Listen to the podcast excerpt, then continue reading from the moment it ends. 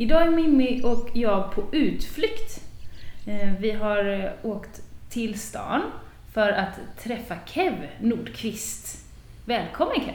Mm, tackar. Eller jag skulle väl säga välkomna hit. Ja, just för vi är hemma hos dig. Ja, eller hur? Förlåt.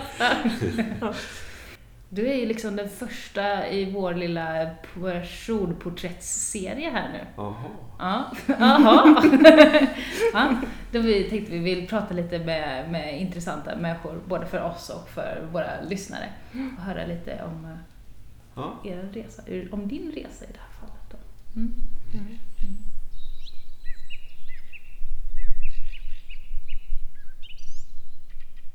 Men du är inte härifrån? Nej, och ska jag börja så kan man väl börja med att jag är stockholmare då. Mm, det hörs. Uppvuxen i Gubbängen. Mhm. Ja. Men eh, jag har ju varit sommarbarn. Det är också lite som inte är så vanligt nu för tiden. Men Vad är då- sommarbarn? Sommarbarn. Min mamma var ensam med, med min syrra och mig. Och eh, hade ingen tillsyn på sommaren. Mm. Det fanns ju ingen, ingen barntillsyn egentligen. Så att fritids fanns ju inte. Så att eh, på sommaren så fick vi åka till en familj utanför eh, Värnamo, Räftele, på landet. Och det var en sån där torparfamilj med sex kor och en häst, ingen traktor. Tjänade sitt eget smör och alltihopa, häschade.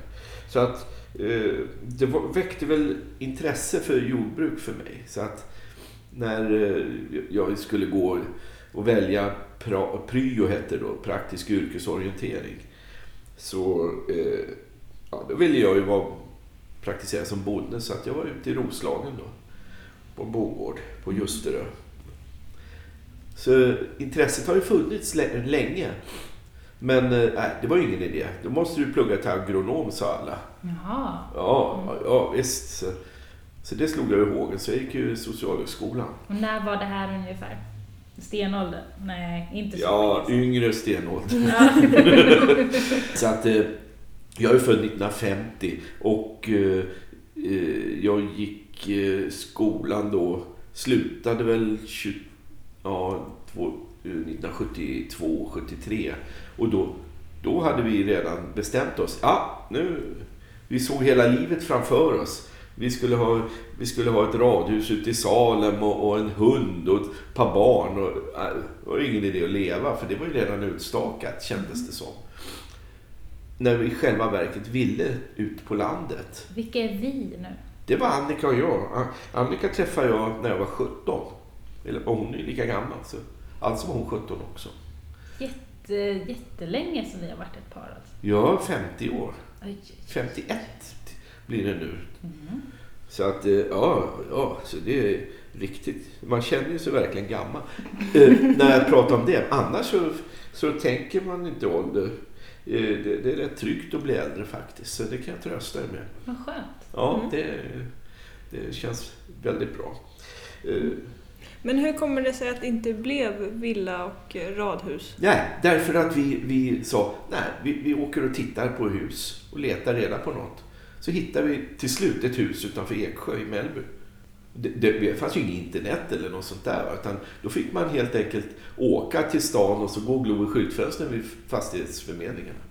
Så ni åkte från Stockholm Ja. till Eksjö?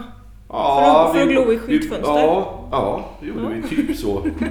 typ så gjorde vi. Och varför blev det just här kring? Kunde ni, ni kunde åka till Bohuslän eller Ja. Halland? Ja, men det är Småland. Okej. Ja. Vad är skärmen med Småland? Vi vet ju det. Ja, ja, ja, röda stugan. Ja. Nej, men det... Det, nej, men det är landskapet, det brutna landskapet. Här med. Och skog samtidigt som det är, finns åker och det finns djur. Och, ja, det är, Det är till, fint väldigt tilltalande. Ja, det är tilltalande. det. Mm. Eh, Var du en del av den här gröna vågen? då? Ja, det, det var ju det vi var. Det var ju det vi var. Almstriden och allt det där. Men jag var ju inte... Annika var ju mer aktiv inne i stan då med almarna. Klättrade hon i almarna? Jag vet inte om hon klättrade i dem men, men eh, eh, hon, hon var engagerad i det i alla fall. Visste man då att det här är liksom den gröna vågen? Det här kommer efterhand att kallas som den gröna vågen? Nej, det, nej. Det vet Nej. man inte om när man hör Nej, det. alltså egentligen så är ju det, det här är ju individualister som gav sig ut. Mm.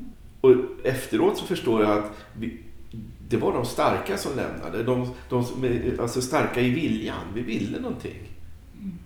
Och, ja, och, och hamnade, hamnade då ute i Eksjö. Och, ja, vi ville att våra barn som skulle komma, vi hade ju fosterbarn också. Så vi hade ju med oss fosterbarn när vi flyttade ner. Så vi var ju väldigt unga när vi, när vi tog fosterbarn. Ja, det, vad blir det då? Nu börjar Ja, vi typ 20 år. Ja. Ja. visst. Men det var ju att då kom ju inte, då kom inte eh, föräldrar och hämtade barnen på dagis. Mhm. Och vad skulle man göra med barnen då? Då var ni där och hämtade dem? Eller? Nej, jag fick följa med Annika hem då. Den pojken som vi tänker Just det, på. för hon jobbade på förskolan. Ja, Mm. men det här var väl 72 var det väl? Mm. Eller 71, ja.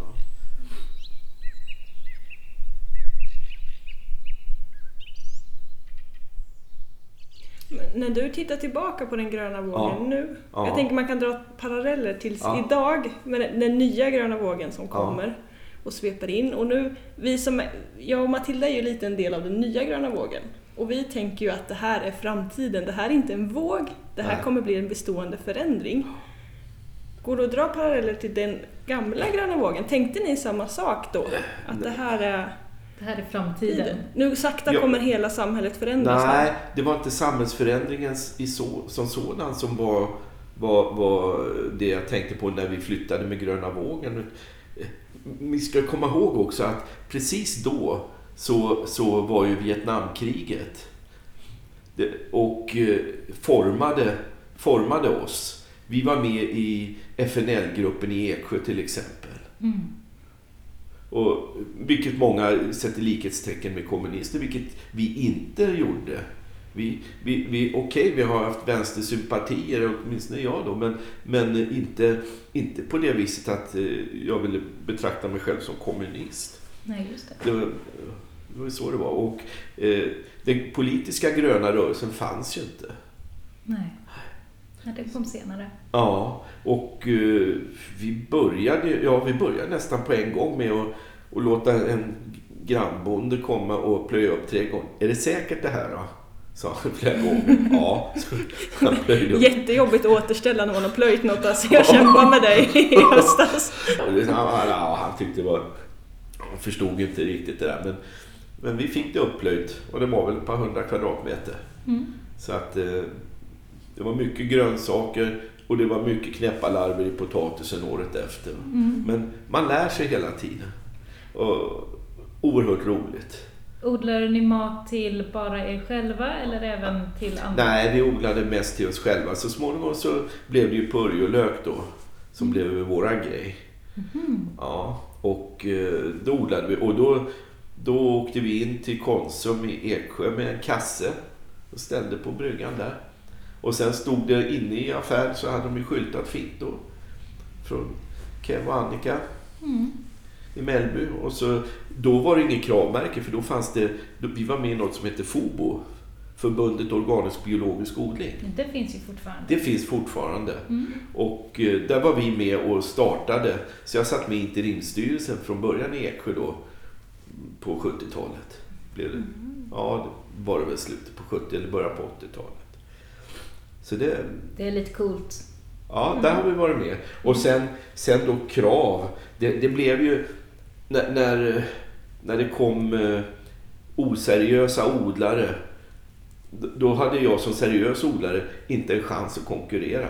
Allt var ju biodynamiskt. Bara det hade sett koskit så var det biodynamiskt. Jaha. Ja, och ja, vad, vad gör man? Och konsumenten blev ju konstant lurad. Ja. Så, så vi hade lurade konsumenter och vi hade lurade odlare. Och då var det inte så konstigt att man hittade varandra och kom överens om en, eh, en eh, märkning. En kontroll. Mm. Och det var inte så att man mätte gifthalt eller någonting sånt i växterna utan det var en odlingskontroll. Just det. Så att när KRAV bildades 85, då var vi med från början. Och jag hade nummer 26. Så det är rätt häftigt. Ja, det är det. Ja, och eh, den första kontrollanten som kom då, han, han, han var från Biodynamiska förbundet i alla fall. Mm. Och eh, kom rätt sent på eftermiddagen och sen gick vi och kollade. Sen bad han att få sova över. För att det var ju så långt till nästa. Ja, just det. Det är klart han fick. Det är så rart att höra på sånt där liksom, för idag så skulle inte det förekomma. Nej, nej men krav, det är jättestor. Folk, folk eh, gnäller på krav och säger det, och det är en stor koloss med många anställda och, och Mm. till och med höra eh, att ja, det är en jättebra affärsidé, det skulle man ha kommit på. Mm. Nej, men det var ingen affärsidé. Den var, den, den var nöden tvungen. Mm. Det, så var det. Så det var ju en utveckling som var väldigt naturlig egentligen. Mm. Och det måste man ju komma ihåg också. För, för folk de säger, ja, men hur kan ni ha plastpåsar runt kravprodukter? Mm. Då, då är krav en kontroll utav odlingen. Just det. Men genast så fick det en bredare, det var en, någon slags miljömärkning eh, generellt och det var det inte från början. Och även om det har, har blivit mera nu, för nu är det ju, ställs det ju krav på vilken typ av elektricitet du använder i, på gården och sådär. Ja, just det. Jag vet, jag ramlade över Kravs regelbok Ja, eh, i höstas och Ja. det är ju, från början var det väl bara några A4-sidor med lite text. precis. Och nu är alltså, det är en, en bok på ett par hundra sidor. Det går att snubbla på alltså. Det är som en pocketbok. Oj. Mm, Ja. som innehåller allt. Men grejen är också att när man ska ställa upp regler sådär, då måste man ju se till så att täppa sådana här kryphål hela tiden. Mm. Och då blir det ju så. Det blir ju jätte, jättetjockt. Mm. Och besvärligt.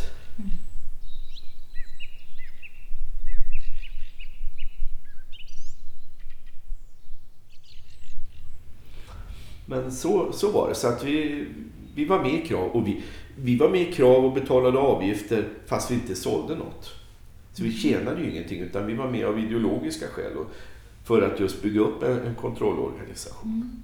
Men var det för purjolök då? Eller var det mjölk? Eller var Nej, det var, för- det var inte för något. Inte för något? Det var, nej, vi hade odlingsmarken Ja, godkänd just det. Mm. utav krav och inget mer. Mm. Och vi sålde ju inte just något som ekologiskt. Det var det här med, med purjolöken, och det gick i vågor. Mm. Just det. Det, det blev lite jobbigt också att ställa dit de där kassarna. Det, det kräver ju lite kontinuitet. Mm. Och det var ju inte riktigt så för oss. Då. Nej. Mm. Vad enkelt det låter. Åka och ställa ett par kassar purjolök på, på lastbryggan. Ja, det var vad vi gjorde. Ja. Det är fint. Ja, ja, men det är en jättefin tanke att det är så enkelt att liksom odla och sälja vidare till någon. Det var ju så nära. Mm. Och då vet jag, då, då kostar den konventionella löken 19,90 purjolöken. Det är precis vad den gör idag. Mm. Precis vad den gör idag. Och då är det här ett par år sedan i alla fall. Var det 40 eller var det 70? 80? Ja, ja. Ja. Hur tänker du på den skillnaden som ändå har skett då mellan eh, lantbruket idag och hur det var då du var aktiv inom Det är lätt att bli nostalgisk. Mm. Absolut. Absolut. För att eh, vi var 28 leverantörer på mjölklinjen där ute i Höreda, Mellby, söder om Eksjö. 28 leverantörer. Idag är det en. Ja. Så var det. Mm. Det var ett tufft liv. Jag hade, eh, vi började 82 och leverera mjölk till Arla. Från Ada och Beda och ett par till. Mm. Så det, Det ja. var inte många kor ni hade då? Fyra. Fyra stycken? Ja. Mm. Och en 200 liters tank som gick på hjul så den rullar jag ju ner till vägen varannan morgon. Funderar på om mjölkbilarna ens kommer och hämtar mjölk från så små Nej, det gör besättningar de idag. inte, inte nu. Mm. Nej. Men eh, då, då Det gick det gjorde bra. de väl knappt då heller? Nej, knappt. Och det här det är ju väldigt grymma tankbilschaufförer. Alltså för, för att eh, när, när de kom och så sa de till mig så här, kan du inte skaffa en katt till så slipper vi stanna. ja, det, det är sånt där man vill höra, Ja. som bygger upp en. ja. Nej, men det, det var med humor och, och det var med, med värme. Så Mm. att det var aldrig något sånt. Jag tror ju att alla saknar ju de där småbönderna. Fast ingen vill eh, betala för att de ska finnas. Nej, så kanske det är. Ja. Ja, nej det var, ja, nej, men det var, det var ju bra tid därför att folk var ju hemma på gårdarna. Eh, Det är ju inte så att landsbygden är, är, är helt avfolkad. Det är bara att eh, de är någon annanstans och jobbar. Just det. Det, på kvällarna så är det ju, lyser det ju stugorna Mm. som regel. Åtminstone här i Småland. Eh, Här är ju sällan man har längre än 3-4 mil till en, en tätort. Nej, precis. Och det ska du ju jämföra med avstånden norröver. Det är så himla sjukt stora avstånd norröver. Ja. Det, jag har inte mycket erfarenhet av Norrland. Jag har bott ett år i Sveg. Men det är ju ändå, det är bara halva Sverige upp. Men oj vad glest det var! Ja. Ja, fick man vänta ett år innan det där ekot kom tillbaka på ens rop på hjälp. Jätteglest! Ja, Ja. ja det, Ja, här är det ju ganska tätbebyggt. ja. det är det faktiskt. Jönköpings län är ju väldigt tätt. Mm. Och det tänker man inte på, men Jönköpings län är ju, är ju landets femte största län befolkningsmässigt. Är det så? Så är det. Du har Oj! Stockholm, du har Västra Götaland, du har Skåne, du har Östergötland. Ständigt dessa östgötar. Ja, Mm. Ja. det är det. Jag. Och sen kommer vi. Så är det. Min är inflyttad östgöte, så det är perfekt. Ja, Vi har värvat henne till rätt sida gränsen Skulle, nu. skulle du sagt innan. Tänkte på när du sa att det lyser i stugorna och bara så här, "Nej, inga minnen från min barndom för det var för långt till grannen. Det var Ja. liksom för mycket platta gärden innan. Ja. Så vi såg inga lysen hos någon.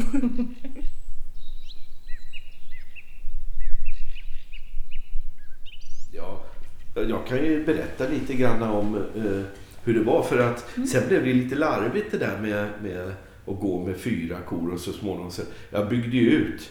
Jag, jag göt ju nya golv i vedboden och i hönshuset. Och så att, så att eh, jag hade sju kor. Oj, oj, oj. Ja, det är nästan en fördubbling av Ja, produktionen. ja, ja, ja, du kan tro. Mm. Men eh, det var ju så på, på tankbilen så satt alltid en lista där tankbilschauffören skrev upp hur många liter han hämtade hos var och en. Mm. Och eftersom jag var på slutet så måste jag ju alltid kolla så att jag åtminstone inte var sist. Nej, just det. Mm. Ja. Så jag måste ha mer än Allan i Vekö och de här. Vet du. Mm. Himla Ja. mycket så här granngubbar och... ja. Ja. Så det, ja. Men eh, nej, men det... Det var, var, ja, det hade ju sin charm. Men du jobbade bara på gården? Ja, både ja och nej. För i och med att vi hade fosterbarn så hade vi en fosterhemsersättning också. Som gjorde att eh, jag kunde, kunde ha lite tid med sånt också. Men det, det var ju en del av barnens vardag också. Det här med, med, med, med jordbruk. Och, Var du inte en sväng på något museum? Eller jo, då, jo då, jag jobbar på Vetlanda museum. Och Annika och jag, vi saxade ju mycket också. Mhm. Jag har stått på, i, i, i, i Eksjö och spikat väggar på en husfabrik. Mm. Jag har varit eh, sån här springvikarie, lärare. Jag har varit i Ingatorp och jag har varit i, runt om inne i Eksjö. och Varit lärarvikarie. Men var det inte något om att du ville vara föräldraledig? Jo, så var det. Det var ju anledningen till att jag skaffade kor och började sälja mjölk. Det var ju egentligen att jag fick inte vara föräldraledig. Alltså jag ville ju gå ner till 75 procent. Jobba full tid eller inget, sa de. Det var ju kulturnämnden. En moderat som hette Majken Nideroth som var ordförande. glömmer jag heller aldrig. Värd att nämna. Ja, ja, ja, ja, ja. det får inte glömmas bara. Nej, nej. Mm. Nej, men, eh, men det var ju, så var det. Va? Så att, eh, och jag, ibland är jag ju tjurig och jag sa ju det, det, det, det krävs lite för att man ska flytta iväg och bryta upp. Och det, ja, men det gjorde jag ju där med då. Mm. Nej, då skiter jag i det här. Då hade jag jobbat i fem år eller något på museet. Så att, eh, mm, då, då började en ny, en ny, nytt steg i, eller ny ja, bana i livet. Mm. Och så har det väl varit tycker jag. Det har gått lite i... eh, blivit lite avbrott. För sen, ja, när jag inte kunde hålla på, hålla på med mina kor där. Det var ju lite larvigt. Så då stod jag också inför det här skiftet. Och det var typ slutet på 80-talet då. Vad var det som gjorde att du inte kunde hålla på längre? Nej, men att gå där med och göra vad? Med, med, det sociala trycket blir ju rätt så starkt också. Och inte blir det så stora inkomster från det där. Nej. Nej. Så att eh, ja, vi letade efter ett arrendeställe. Sökte vi Hults prästgård utanför Eksjö. Men det fick vi inte. Attans. Så, ah, ja, attans. Och eh, då, aha. Och då hittade vi, ja, Visingsö, Kumlaby prästgård. Mm. Och det var vi jättenära, så nära att skriva under. När telefonen ringer och Lasse i Uddestorp i Aneby som tömmer urinbrunnar, som vi känner sedan gammalt. Han ringer och säger att ja, men du, det, är ett, eh, det är ett ställe som är arrendeledigt i, i Säby, sa han. I Prästatorpet heter det. För de som bor där, Egon och Gunilla, de ska ta arrende ner på Resta. Fint, så då sökte vi det direkt och fick det. Mm. Så då hamnade vi, hamnade vi i, i... Ja, då blev vi ju riktiga bönder också tyckte jag. Vi hade en stor ladugård med 27, 28 koplatser. Oj, oj, oj. Men eh, eftersom jag är som jag är så, så fyllde vi aldrig den. Utan vi, vi räknade egentligen med hur, hur mycket mat kan vi producera. Och så, och så eh, anpassade vi koantalet efter det. Just det. Så gjorde vi. Det låter som en ganska sund... eh, Ja, det är en gammal, en gammal eh, in- insikt kan man väl säga. För, för förr frågade de alltid så här, hur många kor kan den här gården fö, Mm. föda? Det, det var, var ju så naturligt. Mm. Samband, areal och, och djur. Mm. Så, är det ju inte. Så, och det var inte det. Det var inte normalt då heller. Utan då fyllde man ladugården och sen så producerade man så mycket man kunde. Framförallt grovfoder. Resten köpte man in. Just det. Då fick man bäst lönsamhet. Men det blir ju samtidigt en obalans i, i, i växtnäringstillförseln. Då. Mm. då för du över massa växtnäring från, från Väderstad. Över, och, och via kossornas mage hamnar, hamnar i, på Prästatorpet då. Just det. Då blir det övergödning då. Ja, Mm. det är så det funkar. Mm. Och vi var inte inne på den linjen. Vi har ju varit ekologiska hela tiden. Mm. Oavsett om det hade varit med krav eller inte så hade vi varit. Just det. Så att eh, den första betalningen för krav, det var ju den mjölken som vi levererade 1996. Då började, då började vi leverera ekomjölk. Det är så sent ändå. Mm. det är det. Så Mm. är det. Sen, och då, gick ju, då, då utgick ju tankbilen ifrån Jönköping. Mm. Och sen åkte den ja, via Lekeryd och, Eksjö. Och sen runda Eksjö och så upp på Torpön. Hos Klevesson i Tor- Boda, Torpön. Där vände den och så kom den tillbaka hit till, till oss. Så från Torpön och hit till Säby. var- Det var liksom en sträcka. Nästa sträcka var från oss i Säby till Lommaryd. Ja, just det. där Gynge Ja, det är många mil. Ja, det blir, och sen, och sen, eh, sen eh, ja, via ja, Lekeryd och andra gårdar där, Mm. Svarttorp och vad de hette, så, så hade de fått en full tank. Mm. Och det här fick ju vi kritik för, därför att ja, men hur ekologiskt är det och, och uh, åka runt med, med en bil och samla ihop lite skvättar. Mm. Och det var det ju naturligtvis inte. Men samtidigt var det ett nödvändigt steg för att komma igång. Mm. Annars hade vi aldrig kommit igång. Så det känns ju jävligt skönt att kunna säga ja, de här konventionella gårdarna, vad sjutton ska vi inte hoppa över dem nu? Mm. Det, det, det, är ju- det kostar ju bara diesel att åka och hämta de där skvättarna. Ja, för det är olika bilar. Ja. Mm. Men eh, så att eh, jag har ju fått se, eller vi har fått se en stor förändring i, i Säby då. Mm. För när vi kom så var det ju ingen. Vi kom 1990 Mm. och då fanns det ju ingen ekogård. Det enda, enda ekogården var Nisse Brickarp som hade får. Ja, just det. Mm. De var kravgodkända. Mm. Men nu är det mer. Ja, nu är det mer. Nu är det ju... Ja, för det första så är eko... Det, det här vet man inte om heller. En ekologisk gård är större än en konventionell. Mhm. Generellt. I landet. Okej. Mm. Det vet man inte. Nej. Men det gäller även i, i, i Tranås. Är det bra? Det bara är. Så är det. Ja, så är det. Ja. Mm. Eh, Hur, hur räknar man storleken på dem då? Är det arealerna eller är det... Ja, du, du, ja, du kan ju räkna eh, levererad mjölk. Ja. Det är, det är många kilo mjölk. Jag säger kilo för det gör man ju. Mm. Man säger inte liter egentligen. Hur många kilo mjölk man, man levererar i snitt på gården. Eh, Jag tänker att det är vanligare att ekogårdar är mer blandade, att de både har bete och skog eh, och djur. Och att det blir liksom en större variation på arealen och då kanske större areal medan en som har till exempel bara ja. eh, ja, men en höns, liksom, en ägggård. De behöver ju bara ha liksom, mark för sina hus. För sina Ja, hönsstammar. sen måste man ha spridningsareal också. De Mm. måste ha, ha areal och kontrakterade åtminstone så att de Mm. inte övergöder. Nej, men anledningen till att de är större, jag vet faktiskt inte. Det, det är ju så här också att eh, eh, man avkastar något mindre eh, per ytenhet. Då. Just det. Och det, då går det åt större areal. Mm. Vilket jag inte tycker är fel. Nej.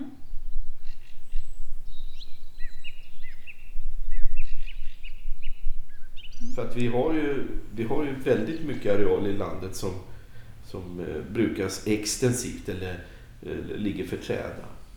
Och det här är ju, det här är ju högaktuellt med tanke på, på eh, hur eh, självförsörjningen ska se ut och om det blir avspärrningar och annat.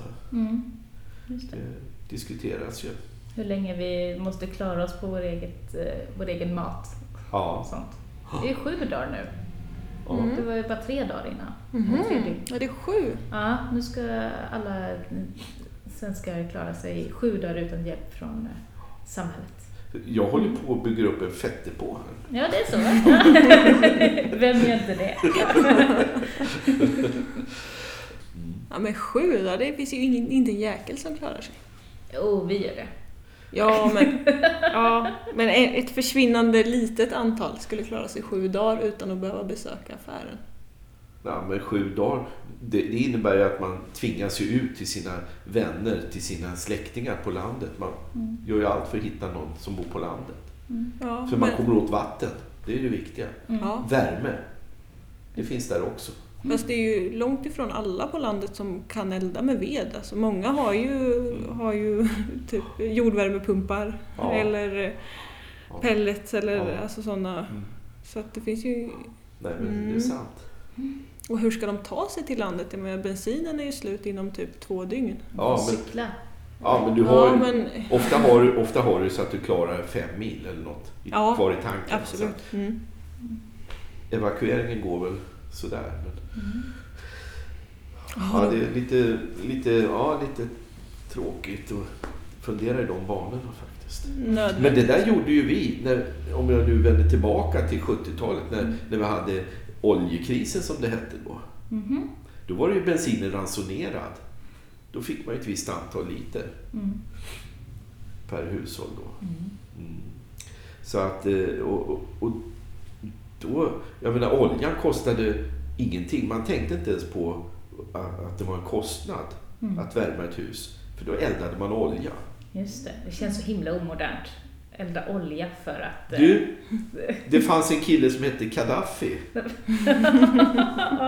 Han sa det, den här produkten, oljan, den är alldeles för fin att elda upp, sa han på, då på 70, 74. Ja, Den, den ska inte användas till att, att, att eldas upp. nej. Va? Han hade ju rätt. Mm. Ja, Va? så bra. Så bra. Ja. Mer Gaddafi. Han kanske hade fel på annat. Ja. En, en sak är att den där, en sak. ja, men det där är intressant med den oljekrisen som var då. För om jag minns rätt så var det ju då någonstans man kunde plocka ut som mest olja runt om i världen. Att du producerade mest, eller om det var precis när det hade börjat vända neråt Ja. som krisen kom. Och sen dess har det ju sjunkit mycket Ja. med hur mycket olja du kan plocka ut. Men det finns inga ransoneringar idag. Nej, och det är fortfarande alldeles för billigt. Ja, oh ja. Helsike för billigt. Mm. Det får man ju inte säga. Det gör vi ändå. Försök att säga det. Höj skatten på Jag- bensinen och du blir lynchad. Ja, men jag hade en insändare förra veckan. Mm. Ja, det svarar de direkt. Kan du säga som tjänar si och så mycket? Ja. En Så. cykel är alltid billigare än en bil. Mm. En bil är alltid en förlustaffär också. Ja. Ja. Ja, ja.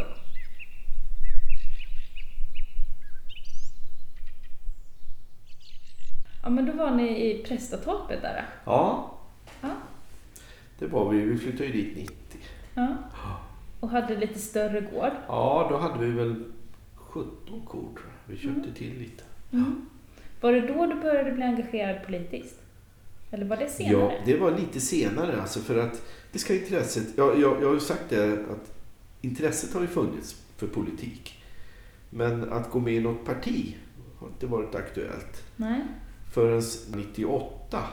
Mhm. Då ringde Lars-Anders Johansson, lärare på Ängaryd på den Mm. tiden. Och sa, eh, du som är miljöprofil, hette det ju. Ja, okej. Miljöprofil. Ja, det var jag det. Ja. Så att, eh, eh, ska vi inte ta och blåsa liv i den gamla MP-avdelningen här? Ja, kan vi väl säga. Mm. Så Annika och jag och Ulla och Lars-Anders. Ja, vi, vi satte ju igång då. Sen var det väl någon eh, eh, elev från Hålaves gymnasiet. Jag kommer inte ihåg vad hon hette nu. Nej. Vi, vi drog igång i alla fall och eh, sen blev det val 98 då. Ja. Och då kom eh, Lars-Anders in som ordinarie. Vi fick en plats i fullmäktige. I kommunfullmäktige. Mm. Ja, och då tog Lars-Anders den och jag var ersättare. Och då, då kommer sossarna, det glömmer jag ju aldrig. Eh, Lasse Karlsson, Mhm. eh, känd socialdemokrat. Och, Här i stan. Här i stan, ja. Ja. Ja. Vi har ju lyssnare ända upp till Boden och nere i Skåne. Och liksom. Ja. Så att eh, de kanske inte känner till den lokala sossen. men- de, ja. ja, Det är en känd sosse vi pratar om. ja, det är han. Och känd profil kanske man kan säga då. Ja. För han, ja, han var väl ordförande i Jordens vänner i Sverige. Jordens vänner, det låter fint. Ja. Mm.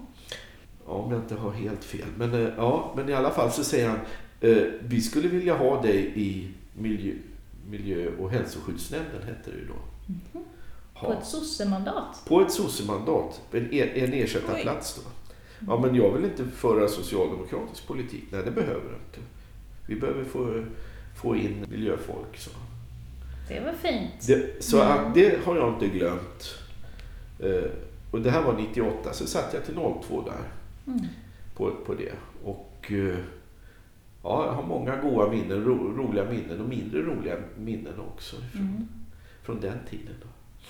Så det var väl så det började, det politiska engagemanget för min del. Mm. Sen blev det ju nytt val 02. Mm. Det går eh, lite bättre hela tiden. Ja, Ja. ja vi, vi, vi, vi blev eh, ja, sakta starkare kan man säga. Mm. Så kom Matilda Forsell. Ja, jag, kom, jag flyttade hit, och när var det? 2004 Ja, till Tranås och eh, sökte upp Miljöpartiet här. ja, Och eh, varit med sedan, eh, sedan dess. Jag var ju med i partiet innan dess till och med. ja. Men eh, ja, det är kul. ja. Mm. Ja, nej men det, det, blev, det blev fart för du, du hade med lite ungdomar också då. Mm, några stycken. De byts av när Ja. folk flyttar runt. Det är en väldigt rörlig grupp. Ja, Så. eh, Jag har ja, också varit borta en sväng och kommit tillbaks. ja. Så, så det. Mm. Nej, men det, och sen, sen har jag hållit på med politik, Mm. kommunpolitik. Inte bara kommunpolitik. Nej, egentligen, ja, jo men det har jag gjort ända fram till valet 2010. Då, då kom jag in i riksdagen då. Då blev det på allvar. Nej. Ja, På ja. allvar Då blev du en riktig politiker. Ja, ja. Och det, det är också ja, väldigt speciellt för jag trodde aldrig- jag tänkte aldrig på den möjligheten egentligen. Jag, jag visste att jag toppade listan men vi hade ju aldrig, det var så länge sedan vi hade någon riksdagsledamot ifrån Jönköpings län. Så att det, det, det var ingen riktig Det var ingen risk så. Nej, Ja, Fanns- den, den var försumbar heter det ju. Ja. Det är som en kärnkraftsolycka. ja. Ja, men så inträffade det i alla fall. Och, och eh, det var ju rätt häftigt. Mm. Det var omtumlande. Och eh, då fick jag ju... Det dröjde ju länge innan jag förstod att det jag sa, det var det, var det som partiet sa. ja, just det. Så att eh, jag, jag hamnade ju i miljö och jordbruksutskottet. Det var väl lämpligt? Ja, något annat ville jag inte. Och det, nej, de, nej, men de, och det, det var jätte, jätteschysst av partiet att vika en, en sån plats. Så att jag var ersättare i, jag var aldrig ordinarie i, i utskottet. Så jag var ersättare hela tiden. Men jag hade frågor. Jag hade jordbruk, jag hade fiske, jag hade rennäring och lite annat som hör till det där då. eh, Genteknik och sånt. Mm. Eh, Det, det var det jag skulle säga att, att när, när jag yttrade mig Mm. så var det partiet som yttrade sig. Tog jag ställning i en fråga så var det partiet som tog ställning. Mm. Och det, det, jag, jag förstod inte det där riktigt, att det var så. Sen principiella frågor, ja men då, då är det ju riksdagsgruppen då, men eh, i, i det löpande. Mm. Så att för mig, ja, 100% eko, Mm. det var ju mitt... Det hade jag ju gått till val på. Ja. Jag var en stor helsida i ATL, alltså den stora lantbrukstidningen. Där står det att jag ville ha 100% eko. Och då var det det som partiet ville också, för det var Ja. det du ville. Ja, Ja. så var det. Så att... Eh, eh, det, och det har alltid varit min vision. Mm. Och det har jag fått mycket kritik för att eh, du kan aldrig nå det. Ja men fan säger jag, jag kan inte ha en vision som säger 83% eh, eko eller 69% eko. Nej.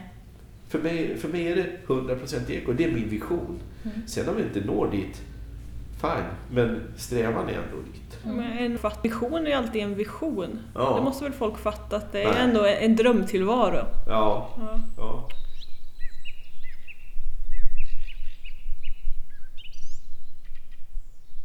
Ja, jag, tänkte det där med att, eh, att när man uttalar sig så liksom blir man att man står för hela partiet. Ehm, jag, fun, jag funderar en del kring det, för det är en av anledningarna till att jag inte engagerar mig partipolitiskt. För Ja. att jag känner att om jag ska kunna göra det och liksom vara en framträdande inom politiken så måste jag ha sån jävla stenkoll på, på allt som partiet vill. Och att jag måste liksom vara uppbackad så mycket. Att det, det är svårt att bara tycka och tänka. Nej, så är det ju inte. Utan du, eh, du, du, har ju koll på dina områden.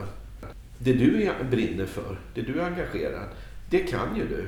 Ja. Och det, det har ju du tankar om hur du ska utveckla. Andra, andra saker har du kanske inte koll på. Men då lägger man ju det åt sidan.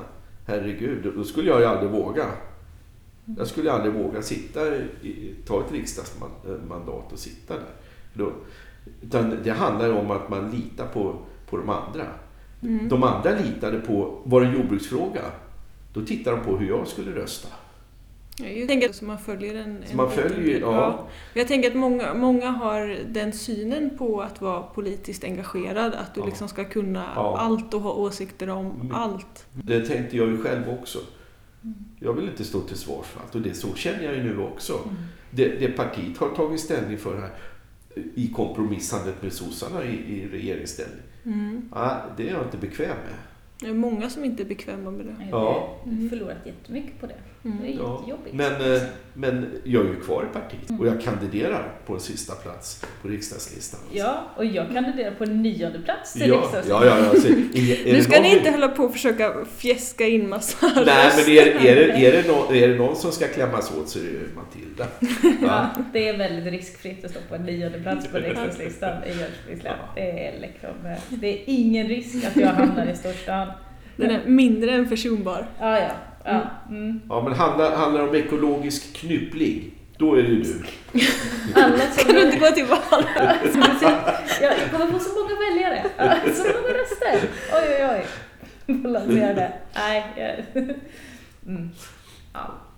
Så kan det Mm. vara. Ja. Nej, men det är svårt. att- Man, man kan inte stå för en helhet. Liksom.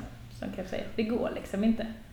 Nej, jag orkar men- inte det. Nej, men å andra sidan är jag så för, förundrad över att oavsett om man har diskuterat en fråga eller inte med sina partikamrater så här så, så hamnar vi ju lika. Mm. Nästan alltid. Mm. Därför att våran kompass är inställd så. Så man hamnar ju rätt. Sen kan man ju tycka mer, mer eller mindre starkt. Och no, några gånger så kanske det, man går på, på ja, kollisionskurs med varandra. Men, men eh, i och med att vi är så nära varandra så är, det- ja, då accepterar man accepterar varandra att man tycker olika. Vi har högt i tak så ska vi ha. Så ja, nej, po- politik är inte så att man måste tycka 100 procent. Och jag- gör du de här testerna inför valet, ja, men det, inte jag 100 procent grön. Nej, det är inte alltid jag är det. Nej. Jag tänker att eh, partipolitiken eh, i alla fall borde ha mer med ideologi att göra. Och att det är det Mm. som utgör en grupp, att man har en grundsyn på människa och miljö, eller vad det nu må vara. Eh, och att den förenar en grupp politiker som blir gröna, eller en grupp politiker som är blå eller som är röda, eller vad det nu är. Eh, och sen så kan man då i den här gruppen hitta den som är mest lik en själv. Så att partipolitiken är mer ett sätt att liksom veta ungefär i vilken folla ska jag leta efter den politiker som tycker mest som jag om jag vill ge min röst till, någonting som tycker, till någon som tycker som jag. Mm. För det är ändå rätt stort det här, ge någon sin röst. Alltså rent språkligt är det så fint. Att man just säger att det är en röst. Du är någon som ska tala för mig. Där inte jag kan tala ska du tala. Att jag ger bort min röst till någon. Ehm, Så då ser jag partierna som ett, bara en, ja men det är ett sätt att veta ungefär i vilket rum ska jag leta efter den som jag vill ge min röst till. Det har jag ju varit eh, väldigt tydlig med när jag sitter i gentekniknämnden, alltså en nämnd som regeringen har för rådgivning i genteknikfrågor. De som vill godkänna att ta in genmanipulerad majs till exempel och sånt. Ja, ja. Ja. det kan vara även med, med insulin och sådana medicinska frågor också. Ja. Och då blev jag ju utskälld av en forskare, för det är hälften forskare hälften politiker där. Och då blev jag utskälld och, och, och han tyckte att det var så förutsägbart vad jag skulle säga och eh, ja, Nej, nej. Ja, typ så. Det har hållit på med åtta år. Ja. Men eh, då, då sa, sa jag det, jaha, då lämnar jag det här då, så jag. Men då, då representerar jag representerar riksdagens tredje största parti, för det gjorde jag förra mandatperioden. Mm. Och då blev det alldeles tyst. Och sen så reste jag på mig och då, då började de, nej men kom nu, kom nu, kom nu. Så då, då lugnade det ner sig då. Men det han inte hade förstått, det var att jag representerade just de som hade röstat på mig. De som hade gett min, min röst. De förväntade sig att jag skulle rösta på ett visst sätt. Så är det. Och, och ska det till en kursändring, ja, då måste man vara väldigt lyhörd. Och, och man måste kommunicera den. Det går, det går inte annars, för då förbrukar man ju sitt förtroende. Och det, det är det som händer nu när man kom- kompromissar här. Mm. Ja, det är svårt. Så sk- skulle, skulle, skulle jag avisera att vi, vi kommer att vara vänlig, eh, mer vänligt inställd till, till GMO, ja, fint. Då, eh, antingen så, så måste partistyrelse och riksdagsgrupp och kanske till och med kongressen vara med på en, en sån förändring. Mm. Men annars så, annars så kan- jag ju leta efter en annan plats. Mm. Då byts man ju ut Mm. om man inte företräder partilinjen. Mm. Så är det. Det är lite om valet, men du sitter inte kvar i riksdagen längre? Nej, oh nej. Nej. Jag blev eh, förbikryssad förra 2014 Mm. och eh, har suttit som ja, ersättare är jag ju i fullmäktige i Tranås och, Mm. eh, i kommunstyrelsen där nu då. Mm. Sitter med i regionen lite. Men du går inte sysslolös nu? Nej, jag säljer solceller! Det är perfekt ju. Du har sålt solceller till mig. Ja, ja jag ska, jag säga hur det var? Ja. Matilda? Gör det. Ja, ska jag säga hur det var? För att jag tittade i Facebook. Ja, då, jag är kompis med Erika Brokvist. Och Erika skrev, vi söker säljare utav solceller. Ö, så jag kontaktade ju dem då. Så åkte jag upp till Ljungsbro, Östergötland. Och eh, blev intervjuad där en stund, grillad. Och sen så säger de, ja, nej, det var på torsdag, när kan du börja? Jag kan börja på måndag. Så, så då började jag på måndag. Så det var snabba ryck. Ja. Och när jag börjar på måndag så ringer telefonen och då är det, då är det familjen Forshälla som ringer och beställer. ja. De andra de la sig bara så här. Det hade ju inte hänt. Nej. De har fått en beställning första dagen. Så himla bra säljare. Ja, ja, ja, ja, ja. Ni, ni fick ju övertyga mig. Jag var ju lite... Det, det är inte lätt att sälja till kompisar. Nej. Det är inte det därför att eh, man vill ju... Jag vill ju er väl. Och vet ni vad ni gör nu? Så att jag minimerade ju anläggningen. Mm. Ja, så kommer de råa typerna ut och lägger, ska, ska lägga, lägga det där vedbotaket. Ska vi inte ta på huset också? säger de. Jo, säger ni. Ja, Så den är ju dubbelt så stor. Ja, mer än dubbelt så stort. Ja. Ja, där garvar. Men så, Ja. så var det. Så, Mm. ja, så, så det var min första affär och eh, det är väldigt bra referens. Mm. Väldigt kul. Och vad jag förstår så är ni väl hyfsat nöjda med ja, det tickar på. Ja, Inte mycket underhåll på det. Bara, Nej. det bara är där. ren underhållning. Ja, precis. Ja, den där appen. Oh, Jon sk- skaffade en app så man kunde se liksom hur, eh, hur mycket det le- solcellerna levererar. Och vi satte ju upp våra i november, tror jag. Alltså, jättekass månad. Ja. För det liksom bara går ju ner ner, det är ingenting på vintern. Och sen så där på våren, jag fick sms från Jon varje dag. Så, det är nytt rekord! Det är nytt rekord! Titta här! Titta hur mycket det var det. Åh, tänk, ska de hålla på så här till midsommar nu? Eller? Jag gjorde nästan det. Ja. Jag förstår ju. Jag Ja. skulle nog göra precis likadant. Och så fina tabeller. och Bara, Åh, titta Ja, nu är det soligt Excel-ark. hemma. Ja. Åh. Ja, mm. Jag slutade läsa efter ett tag. Jag Mm. tänkte det tickar på, det blir bra. Jag behöver inte sitta med app för att se om det är soligt hemma eller inte. det kommer inte lysa Ja, men det är ju bra när du gör dina utlandssemestrar. Ja, just det. Så, då, kan, då kan du se om det är soligt hemma. Eller hur? Mycket, hur mycket ström ni har som ni inte använder. Ja, just det. Mm, Vi skickar till grannarna istället. Det Mm. perfekt. Ja. Mm. Alltså du säljer solceller. Ja. Går det bra? Ja, det får man väl säga. Växande bransch? Ja, det är väldigt expansivt. Det. Mm. Väldigt expansivt. Men å andra sidan, det, det kommer in nya aktörer som vill sälja och tjäna pengar. Mm. Så att det är en tuff konkurrens. Säljer över hela landet. Mm. Så längst norrut är Övertorneå då. Så jag brukar säga det till kunder som säger ja, men här skiner inte solen så mycket. "Ja, Gör det i Övertorneå? De har polarnatt nu, säger de. Men desto mer på sommaren då. Ja, Mm. det var desto mer där. Mm. Och eh, jag sålt till Luleå Energi och satt på deras tak. Mm. Det bolags, bolaget där. Så, och de vill sätta upp på en stor solpark. Mhm. Och det är möjligt att vi får den också då. Så att, eh, ja. Och sen har vi så- ja, Skåne överallt. Vi har satt upp över tusen anläggningar i det här lilla företaget. Oj, oj, oj. Men det är inte så litet. Det är, vi är över 40 anställda. oj, oj, oj. Mm. Så att, eh, Mm.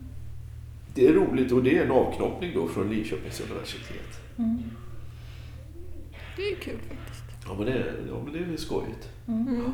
Kommer priserna gå ner mer på solceller? Nej, Eller? nej, det tror jag inte. Det, Det tror jag, ja, har svårt att säga att det, Mm. det, det sådär jättemycket. Det, det är i sådana fall om det blir något teknikgenombrott. ja. Eh, Man kan ju säga också, ja men när, när EU tar bort tullarna mot Kina, då, då kan det ju sjunka lite. Mm. Eh, Nu, nu är det ju så, till skillnad från när ni satte in så då var det 20 stöd Mm. på investeringen. Mm. Nu är det 30% för privatpersoner. Ja, just det. Så att eh, på så vis har är det ju billigare. Ja. Men, vet, eh, vi tog aldrig det, det stödet utan vi hade rotavdrag istället. Man fick Ja. välja där liksom. Ja. Och det gick på ett ut. Ja, på, Då. på, ja, Mm. solcellsstödet är lite mera. Mm. Men å andra sidan då ska du betala tillbaka rot. Mm. Och det är lite strul med det. Ja, precis. Mm. Det finns ju företag med där du kan, som sätter upp eh, solcellsanläggningar på ditt tak nu och sen betalar du av sakta men säkert. Så att du liksom eh, hyr solcellen, eller vad ska man säga? Lisar de lite? Ja, ja, men lite så. Du betalar nå- något öre extra per kilowattimme eller något sånt där och betalar av dem och sen efter 15 år så får du dem. Ja, just det. Om man inte har den engångssumman för att installera solceller. Just det. Ja, för det är lite pengar att Mm. lägga på. Ja, å andra sidan så betalar ni ju inte så mycket till elbolaget längre. Nej, det gör vi inte. Det är bra. Mm. Så det är, det är de pengarna ni skulle betala till elbolaget som ni betalar er anläggning kan man ju säga. Men du måste fortfarande betala nätavgiften eller? Ja, nätet ja. Nätet. Mm. Ja, Det är den stora utgiften för oss nu. ja precis. För sen går strömmen, eller själva elen på typ ett ut. Eller? Ni Ja. säljer överskott sommarhalvåret Ja. och köper. Vinterhalvåret. Mm.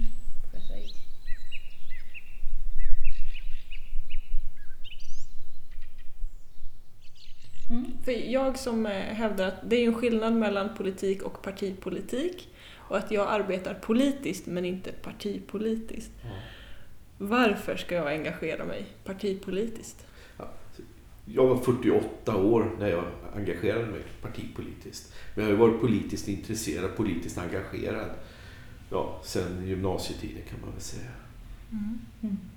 Och eh, varför jag inte var, ville gå med i något parti, det var, var just det där. Men jag kände inte mig hemma någonstans riktigt. Jag har ju fått påstötningar, kan du inte komma med oss i Centern här då? Och, nej, det, nej, nej, ni är för borgerliga. det funkar inte för mig. Ja, men för mig funkar inte det. Mm. Eh, Även om jag kände mycket gemensamt, speciellt med ungdomsförbundet på den tiden. Åsa-Nisse-marxister kallades de ju för. Det känns som det har skett en viss förändring när det gäller deras ungdomsförbund. Ja, Ja. Men, ja, nej, så att, och det, det är ju fortfarande, de är ju väldigt mycket för decentraliserat. Mm. Precis, så, så att det, det rimmade ju väl med mina tankar tyckte jag. Men eh, nej, nej inte, inte, inte Fälldin och det gänget då. Det blev lite för mycket borgerligt. Och, Man måste hitta någon, någon grupp som passar en om Ja. det ska vara värt att gå med. ja, Ja. Jag tror jag var 15 när jag gick med. 14 eller 15 gick jag med i Miljöpartiet. För att jag ville rädda världen. ja. Mm. Det är gulligt tycker jag. Ja. Ja, Jättegulligt. Men håller på. jag håller på. Politisk broiler. Ja, precis. Så här, uppfostrad in i partiet. Ja, Ja. men då var det så mycket snack om, då snackades det mycket om växthuseffekten. Det var Mm. liksom modeordet då. Då var det inte klimatförändringar eller koldioxid utan det var växthuseffekten som var det farliga. Eh, och hur ska vi stoppa det? Nej, jag måste göra någonting. Hur gör man någonting? Ja, men jag går med i ett parti så att vi kan hjälpas åt att göra någonting tillsammans. Man har ju slutat prata om, om växthuseffekten och global uppvärmning och pratar om klimatförändringarna istället för att eh, det är klimat... Alltså växthus är ju, associerar man ofta till någonting positivt. Det är varmt och skönt och du kan odla goda grejer.